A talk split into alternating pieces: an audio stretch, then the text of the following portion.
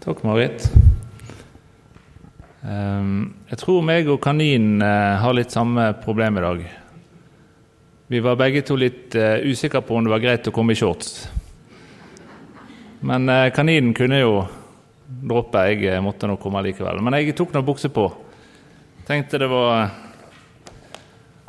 Tenkte det kunne være greit. Og så er jeg glad for at ledningen til Myggen ikke virket, for da må jeg stå bak talerstolen. Og det passer greit, siden jeg har spist så mye is at knappen eh, spratt her eh, i stad. Så da står jeg trygt på plass. Eh, jeg har lyst til å bare presentere meg sjøl. Det kan virke litt unaturlig å gjøre det, for jeg tror jo at eh, jeg kjenner de fleste her sånn litt, og, og mange vet hvem jeg er. David rister på hodet. Eh, men vi skal alltid ha respekt for at det kan være nye mennesker hos oss. Og vi skal alltid håpe at det er nye mennesker hos oss. Derfor så gjentar jeg at jeg heter Runar Mulli og eh, har gått her i forsamlingen eh, i mange år. Er med i styret. Eh, jobber som fastlege på Askøy, og så er gift med Marion og har tre døtre. Så det er liksom kortversjonen av meg. For dere som var på medlemsmøte her på torsdag, så skulle jo Jon eh, som ledet eh, informere om hva som skulle være i Betlehem denne uken. Så sa han jo først at eh, på søndag er det Runar som skal tale. Og så kom han til torsdag. Da var det Audun Gjelvik som skulle tale. Og han er det verdt å lytte til.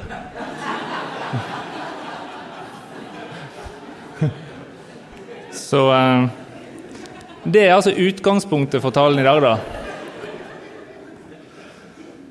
Um, men egentlig så lurer jeg på om han har litt rett. Uh, det er lenge siden jeg har talt på søndag uh, nå. Men jeg har talt litt på Betlehem Ung og YA og talt litt her før. Men denne gangen, jeg har aldri opplevd det sånn som denne gangen før, at jeg altså ikke har noe som helst på hjertet. Um, Marit uh, sendte meg en mail tidligere i uken og spurte hva jeg skulle tale, om. Og jeg måtte bare si jeg har ikke peiling. Da hadde jeg bladd frem og tilbake i Bibelen og prøvd å finne noe. Funnet fram søndagens tekst. Jeg fant liksom ingenting som jeg hadde på hjertet. Så var det en klok person som sa til meg at uh, husk på at det er uansett ikke du som skal tale. Det er uansett Gud som skal tale gjennom deg. Og så begynte denne talen som Bjørn Sverre hadde her for to uker siden på pinsedag, begynte jeg å gruble på den. Um, og så vokste det frem egentlig en lyst til å, å formidle noe til dere som jeg egentlig ikke tror Jeg håper ikke det for meg, for jeg har liksom kjent at jeg har veldig lite på hjertet. Men jeg har kjent eh, nå de siste dagene at jeg gleder meg til å dele, dele litt med dere. Jeg må snu litt, sånn at vi har hele forsamlingens bredde med. Um, først så vil jeg be litt. Kjære Jesus.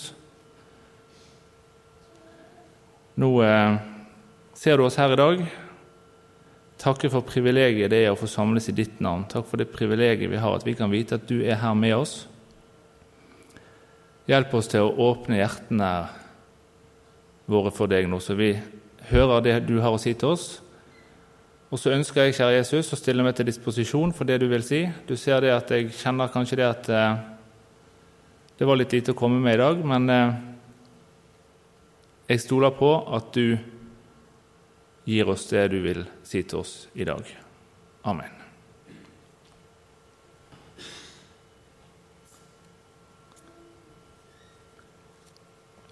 Så var det denne her, da. Yes. Eh, som jeg sa, så tar vi utgangspunkt i der som Bjørn Sverre var for to uker siden, på første pinsedag når han talte om pinsens budskap og Den hellige ånd. Og så tar vi det litt videre derifra. Men vi begynner med å lese Apostlenes gjerninger, kapittel 1, vers 3-5. Etter å ha lidd døden sto han levende fremfor dem med mange klare bevis på at han levde. I 40 dager viste han seg for dem og talte om det som hører Guds rike til. En gang han spiste sammen med dem, påla han dem dette. Dere skal ikke forlate Jerusalem, men vente på det som Far har lovet, det som dere har hørt av meg. For Johannes døpte med vann, men dere skal om noen få dager bli døpt med Den hellige ånd. Og så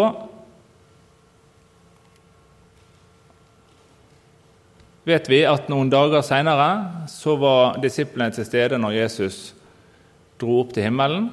Og Da leser vi fra Matteus 28, 18-20.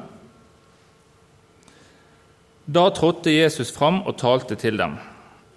Jeg har fått all makt i himmelen og på jorden. Gå derfor og gjør alle folkeslag til disipler. Døp dem til Faderens og Sønnens og Den hellige ånds navn, og lær dem å holde alt det jeg har befalt dere. Og se, jeg er med dere alle dager inntil verdens ende. Disiplene hadde altså sto midt i en situasjon der Jesus hadde dratt fra dem. De hadde fått et stort oppdrag som de visste de hadde fått, og så hadde de fått beskjed om å vente. Eh, ellers så vil jeg tro at mye var uklart for dem. Så skal vi innom litt ulike sider av disse tingene nå i denne talen. Men jeg vil ha hovedfokus på to ord. Det ene er venting, og det andre er forventning. Eh, og Jeg ser jo for meg at det kanskje kan ha preget disiplene i, i denne situasjonen. For det første så var de bedt av Jesus om å vente. De hadde fått et veldig konkret, stort oppdrag, men de var bedt av Jesus om å vente i Jerusalem. Jeg ser for meg at de kanskje var utålmodige, eh, nesten litt sånn gira på å komme i gang, en forventning om å komme i gang. Så kan det godt hende de var redde òg og syntes dette var stort for dem. Um, og at det kanskje var en blanding av det. Men jeg tror i hvert fall at ordene venting og forventning er på en måte dekkende for det som disiplene opplevde da.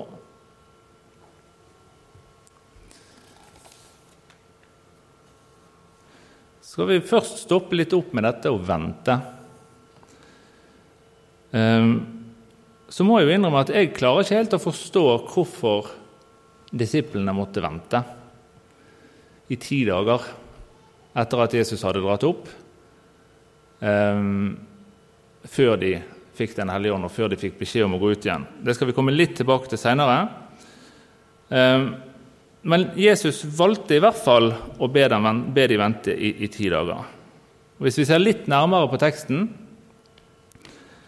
eh, så ser vi òg at Jesus' sitt tidsperspektiv det er nok ofte litt annerledes enn vårt. For Han sier i Apostlenes gjerninger, altså kapittel 1, vers 5.: For Johannes døpte med vann, men dere skal om noen få dager bli døpt med Den hellige ånd. Ehm, og I min verden så er noen få dager noen veldig få dager. Én eller kanskje to. To dager. Det var nesten, Jeg måtte google litt i går for å sjekke at det faktisk er ti dager mellom Kristi himmelfartsdag og, og pinse. Men det er jo det. Um, pinse betyr jo kommer jo fra ordet 50, og så skal det være 50 dager etter, etter påske. Så er det egentlig litt sånn at Bibelen er full av mennesker som venter. Hvis du ser litt nærmere på det. Eh, du har Moses og israelsfolket som ventet i 40 år i ørkenen. Du har David som ble salvet som konge som en ung gutt, som ventet lenge før han ble konge sjøl. Eh, vi har Paulus som ventet lenge, mange ganger i fengsel, på å slippe ut. Um, og så har vi Jairus, da. Denne synagogeforstanderen som var så fortvilet for at datteren hans var syk, at han var villig til å ofre hele posisjonen sin for å søke hjelp hos Jesus. Og når han endelig har funnet Jesus, så opplever han at, eh, at Jesus blir heftet med noe annet. Heftet av en annen kvinne som er syk. leser fra Markus 5. Det var en kvinne der som hadde hatt blødninger i tolv år. Hun hadde lidd mye hos mange leger.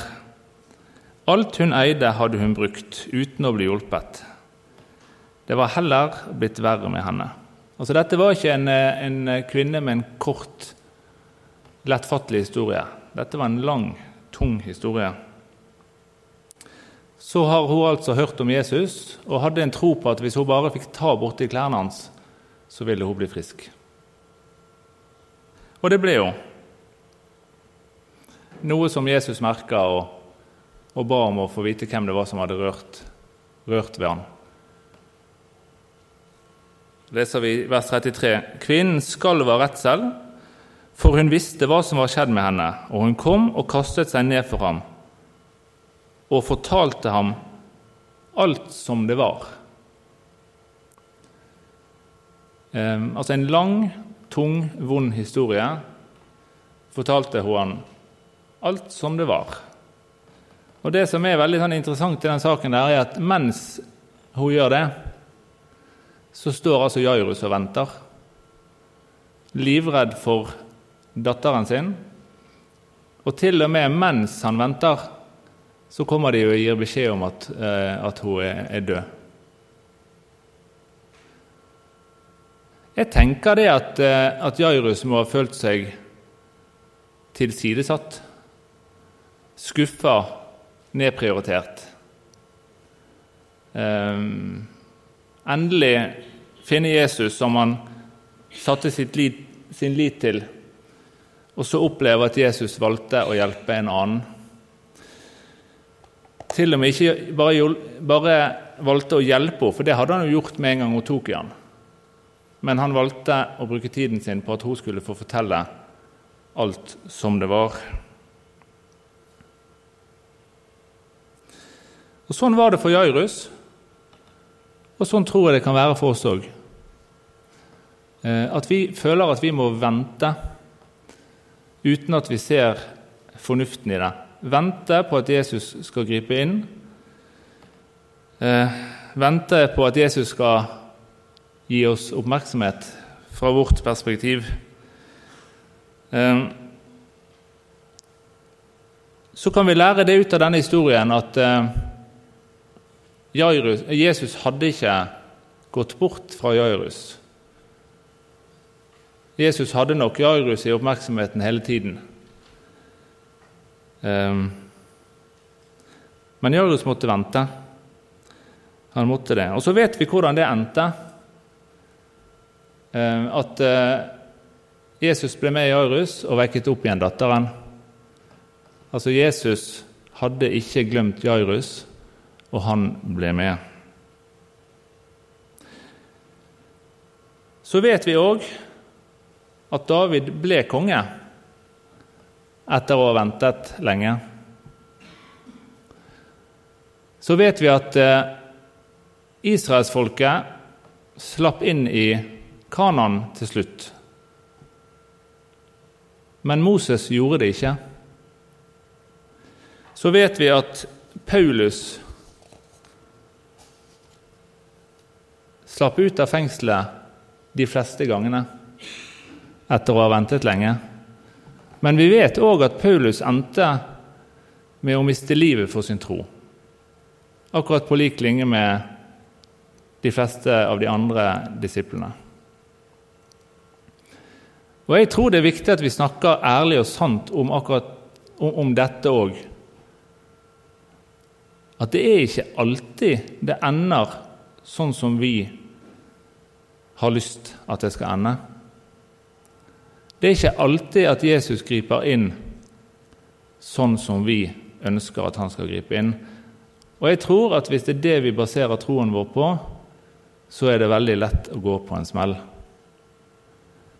Um, det er det dessverre mange eksempler på. Bibelen er som sagt full av eksempler på at mennesker venter. Han er full av eksempler på at Jesus griper inn. Han er full av eksempler på at Jesus gjør bemerkelsesverdige inngripener og undre som gjør ting helt flott. Men Bibelen har òg, heldigvis, vil jeg si, eksempler på at Gud ikke griper inn sånn som vi mennesker skulle ønske. Ehm, det er mye vi ikke forstår. Og sånn må det på en måte være. Det er en del av det å tro på Jesus og følge Jesus. Det å erkjenne at Jesus og Gud er større enn oss. Og hans perspektiv er større, og hans perspektiv er annerledes enn vårt. Det betyr ikke at det ikke er greit å ikke forstå, og det betyr ikke at det ikke er greit å være frustrert når man ikke opplever at Jesus griper inn. Men det er et bibelvers som jeg vil gi til alle her i dag. Og det er Salme 46, vers 2. Og det tenker jeg at vi kan stole på. Gud er vår tilflukt og vår styrke, en hjelp i nød og alltid nær. En hjelp i nød og alltid nær. Og Det er uavhengig av om vi forstår hans måte å gripe inn på eller ikke. Men jeg mener det, at Bibelen er full av eksempler på at vi kan stole på at Jesus er en hjelp i nød og alltid nær. Det var ordet 'venting'.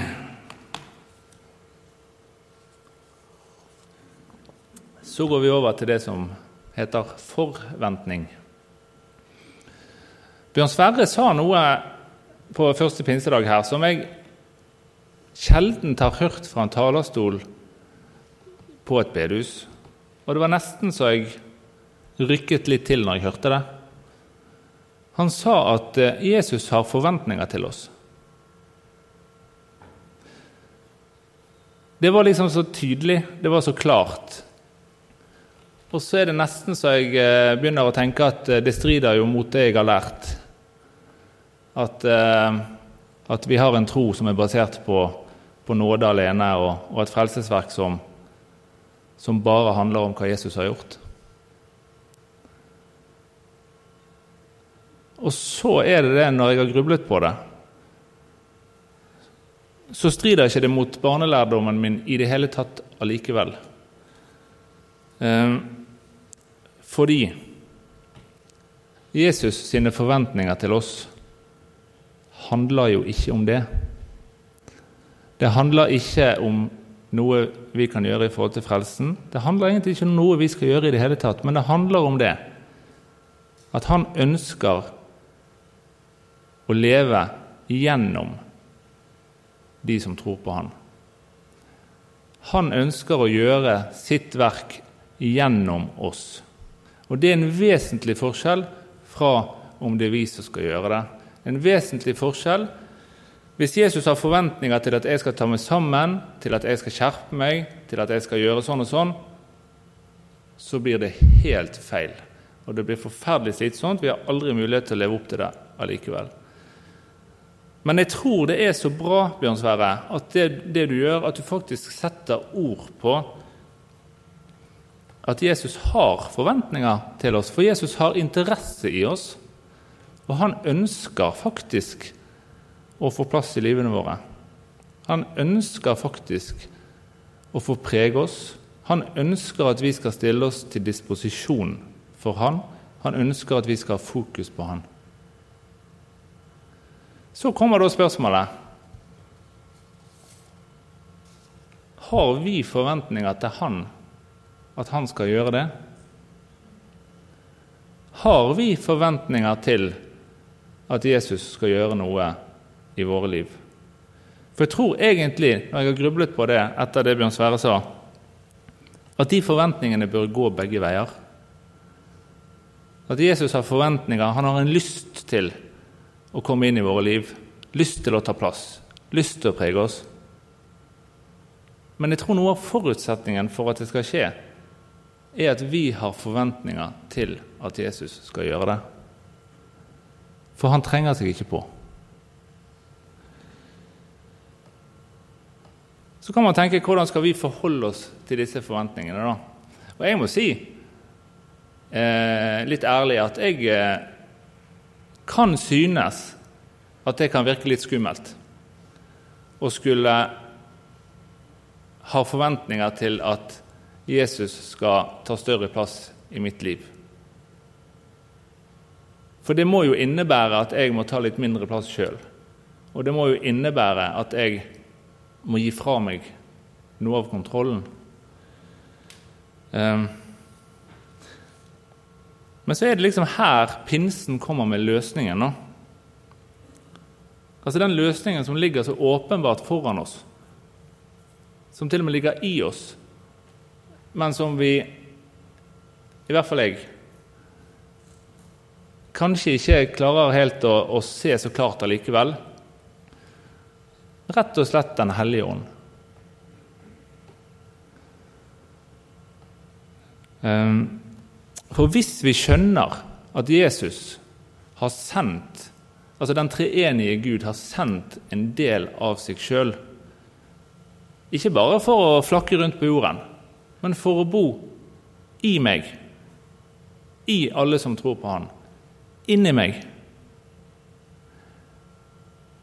Hvis vi virkelig forstår det, at den Gud som holder verden oppe i sin hånd, som har skapt verden, som har frelst oss, ikke bare er der oppe, men han har faktisk tatt bolig i meg.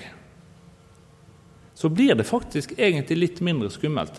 For det er litt rart at vi tviholder på kontrollen sjøl i våre liv, i en nokså skummel og uforutsigbar verden så er det litt rart at vi tviholder så veldig på den kontrollen sjøl. Når Gud, som holder verden i sin hånd, tilbyr seg å vise vei og tilbyr seg å ta kontrollen. Jeg kan kjenne litt på den tanken. At så interessert er Gud i oss. Så forventninger har han til å få være i våre liv at han faktisk bor i oss.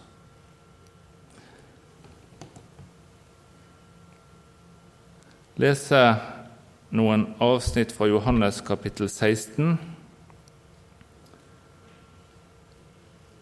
Men jeg sier dere sannheten. Det er det beste for dere at jeg går bort. For dersom jeg ikke går bort, kommer ikke talsmannen til dere. Men går jeg bort, kan jeg sende ham til dere. Og når han kommer, skal han ja, Så går vi videre til vers 13. Men når sannhetens ånd kommer, skal han veilede dere til hele sannheten. For han skal ikke tale ut fra seg selv, men si det han hører, og gjøre kjent for dere det som skal komme. Han skal herliggjøre meg, for han skal ta av det som er mitt, og forkynne det for dere.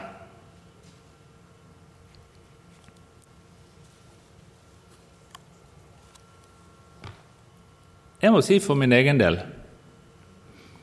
og så får dere si for deres del.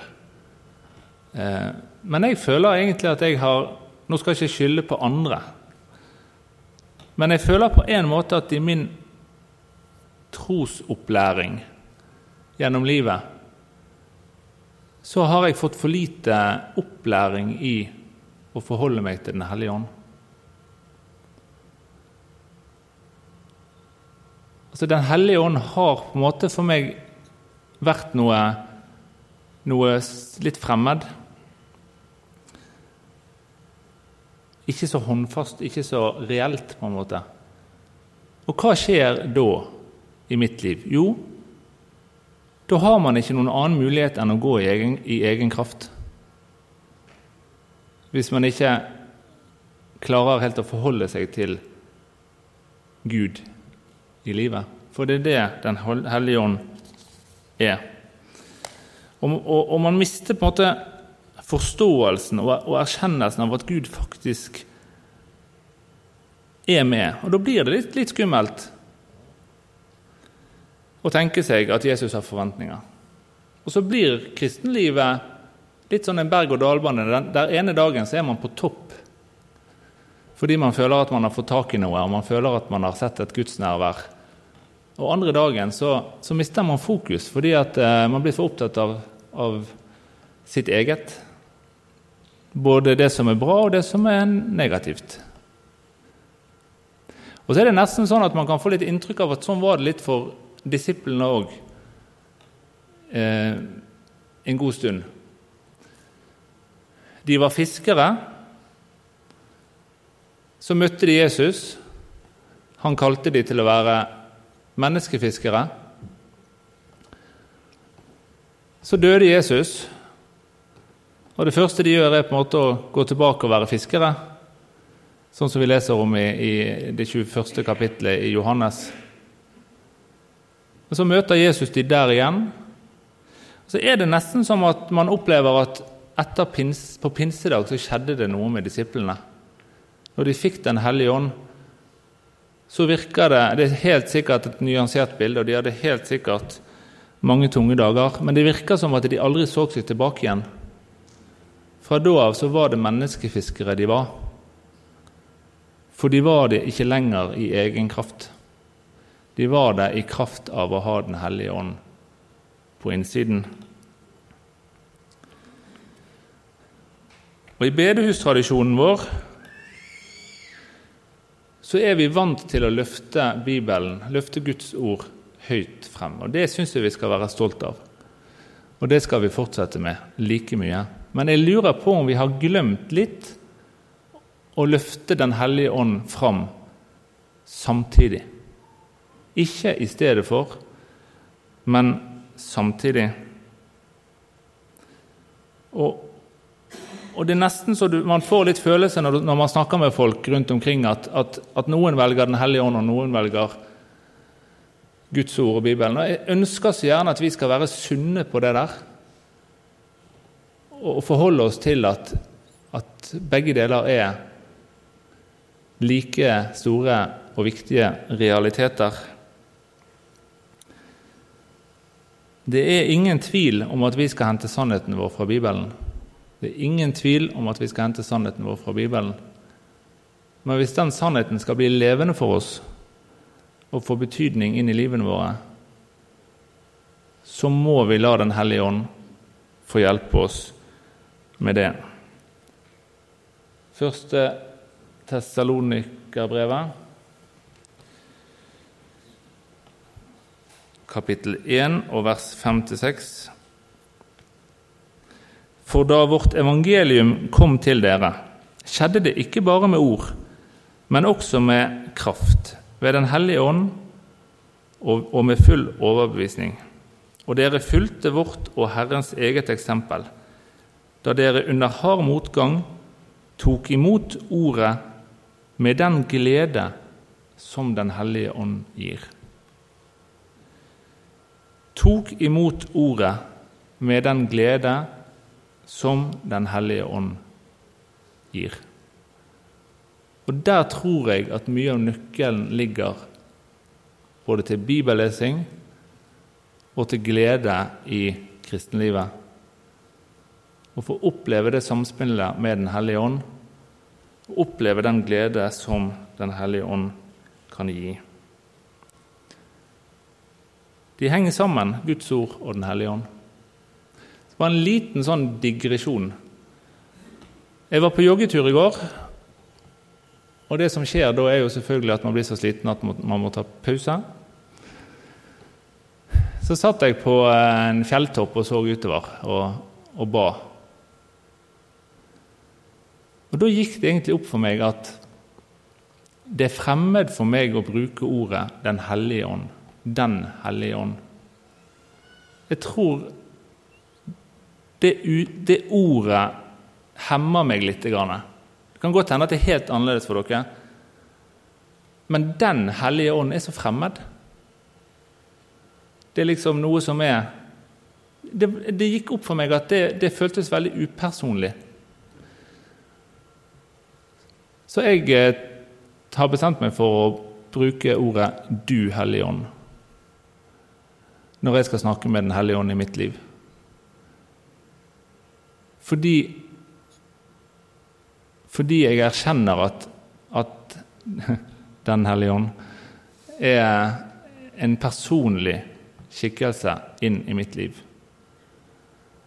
Og da må jeg bruke en benevnelse, eventuelt bare bruke Hellig ånd, som er litt mer personlig. Det var en digresjon. Eh, men Den hellige ånd trenger ikke å være noe svevende. Trenger ikke være noe utagerende. Eh, nei, Den hellige ånd det er ikke noe annet enn Gud som bor i oss. Det betyr ikke at vi trenger å oppføre oss annerledes. Det betyr ikke at vi trenger å ta av på noen måte. Bare hør hvordan Bibelen beskriver åndens frukter.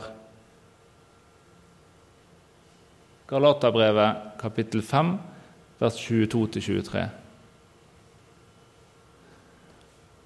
Men åndens frukt er kjærlighet, glede, fred, overbærenhet, vennlighet, godhet, trofasthet, ydmykhet og selvbeherskelse.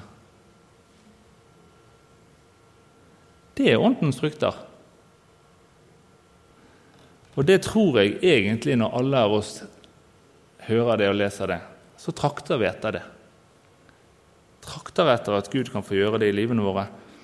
Og så må jeg bare skyte inn For på, på bønnemøtet nå før møtet så kom eh, Marit med et godt poeng som egentlig bare eh, understreker det samme. Hun leste fra Det var for så vidt ikke et poeng, men det var et bibelsted. Hun leste fra apostelgjerningen eh, kapittel 4, og så vers 31 og så et par vers utover. Da de hadde bedt, skalv stedet der de var samlet. De ble alle fylt av Den hellige ånd og talte Guds ord med frimodighet. Alle de troende var ett i hjerte og sinn, og ingen regnet det de eide, som sitt eget. De hadde alt felles. Med stor kraft bar apostlene fram vitnesbyrdet om at Herren Jesus var stått opp, og stor nåde var over dem alle. De talte Guds ord med frimodighet. Jeg tror ikke Den hellige ånd bare er nøkkelen i forhold til bibellesing og i forhold til, til andre ting, men jeg tror rett og slett det er nøkkelen med å nå ut til andre. Tale Guds ord med frimodighet. For da taler vi det ikke i vår egen kraft, men vi lar Den hellige ånd få tale det gjennom oss. Da trenger det ikke å være skummelt men spennende å følge Jesus med Den, med, Jesus med den hellige ånd ved roret. Det kan nok være mer uforutsigbart, kanskje. Men jeg tror det er der vi er ment å være. Og så litt tilbake helt til slutt til disiplene i forhold til dette at de måtte vente eh, ti dager fra Kristi himmelfartsdag til pinsedag. De hadde fått oppdraget, Jesus hadde dratt. Hvorfor måtte de vente? Og det vet jeg ikke. Men jeg lurer på om det kan være fordi de ikke skulle gå i egen kraft. For jeg tror det at hvis de hadde løpt rett ut dagen etter Jesus dro, så hadde det blitt på en annen måte. Jeg tror de hadde gått i egen kraft. Og jeg tror kanskje, dette er mine tanker, at ved å vente så viser Gud veldig tydelig at det er jeg som skal lede. Og dere er helt avhengig av Den hellige ånd som jeg skal sende, for å gå ut. Og kanskje vi òg av og til trenger det. Kanskje jeg trengte det til denne talen. Rett og slett å vente til man får noe fra Gud. Det tror jeg gjelder i livet vårt. Kjære Jesus. Takk for ditt nærvær. Så vil jeg be deg, Hellige Ånd, om å vise deg i livene våre. Hjelp oss til å se deg. Hjelp oss til å gi deg plass, sånn at du kan herliggjøre Jesus for oss. Sånn at du kan gi oss glede i ditt ord. At du kan gi oss frimodighet. Amen.